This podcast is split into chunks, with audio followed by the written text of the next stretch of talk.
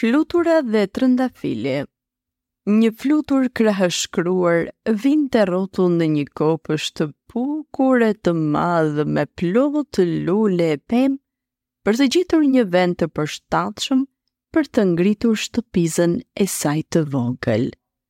Në këtë kopsht kishte lloj-lloj drurësh të vegjël, edhe të mëdhenj, e shumë bimë dhe lule të ndryshme.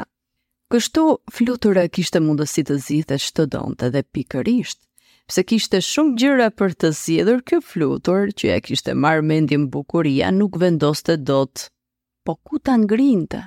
Këtu, jo, diku tjetër do të jetë më bukur. Po këtu, mirë, bukur është, po ndoshta diku tjetër do të jetë akoma dhe më bukur. Aty pa ndërkohë një pemë të lartë, pastaj pa një ulli, pastaj një kumbull, edhe një qershi. Të gjitha këto i la mënjanë me përbuzje, sepse do gjente diçka akoma dhe më të mirë. Ec e ec, fluturo e fluturo, vajti pranë një lule dielli. Por, as aty nuk vendoste dot. U kaloi pranë me radhë zambakut, manushaqes, por nuk po i mbushej mendja. Më në fund pa një trëndafil të madh që kishte çelur lule, aq të bukura, po aq të kuqe, sa të verbonte sytë edhe të kënaqte hundën me aromën e saj. Flutura qëndroi e soditi për një kohë të gjatë dhe pastaj tha plot gëzim. Ja, vendi ku unë do të ngre shtëpizën time. Aty dhe vetëm aty mund të banojë një zonjë fisnike si unë. Do të ishte mëkat sikur një shtëpizë kaq të bukur të banonte për shembull një insekt nga ato të shpifurat.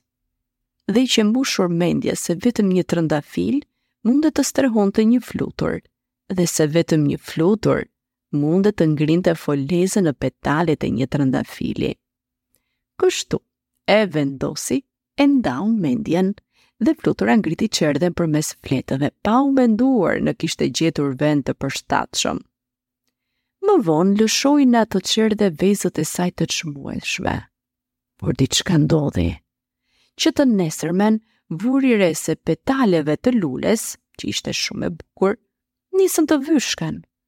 Dhe pas 24 orësh, trëndafilit i ra një hije trishtimi. Atëherë flutura kuptoi se çfarë ndryshimi kishin pemët dhe lulet e tjera të qëndrueshme, nga petalet e brishta të trëndafilit. Por s'kishte ilaç tashmë më për të rregulluar të gjithë këtë. Si mund ta prishte çerdhen, ajo sapo e kishte ndërtuar, kishte vendosur edhe vezët e saj. Kështu, shtëpia e saj u shkatërrua pak e nga pak. Fletët e trëndafilit binin po thaheshin e po vyshkeshin. Njëra nga bimët e mëdha që ishte aty pranë dhe pa të gjithë këtë ngjarje, me fërfëllimën e fletëve të veta i tha fluturës mendjelehtë. Duhet ta ngrije shtëpinë në baza të shëndosha dhe jo të shikoje pamjen e jashtme. A e kupton tani rëndësinë? Flutura uli kokën dhe e kuptoi. Kishte bërë një gabim shumë të madh. Ajo duke menduar se krahët e saj të bukur e të lehtë, plot me ngjyra, do të shkonin patjetër në një lule të tillë plot me ngjyra. Por ajo mund të njohë cilësitë e veta, por duhet të njihte dhe cilësitë e ngritjes së shtëpisë dhe ajo nuk iu mbush mendja por donte të kërkonte diçka si e si vetëm të bukur e ndoshta duke u marrosur dhe pas aromës së mrekullueshme të trëndafilit. E nuk mund të themi që trëndafili nuk është i mirë e nuk është një lule e veçantë, por jo për të ngritur shtëpinë e saj. Ajo duhet të harxhonte më shumë kohë për të kërkuar një vend të mirë, të fortë, që mund t'i rezistonte edhe erës, por edhe kohës. E kështu, pasi u mendua mirë e mirë, mblodhi se çfarë kishte dhe shkoi e fluturoi diku tjetër, aty ku ajo këtë herë do të mendohesh më mirë dhe do të zgjidhte një vend të përshtatshëm, jo thjesht më të bukur.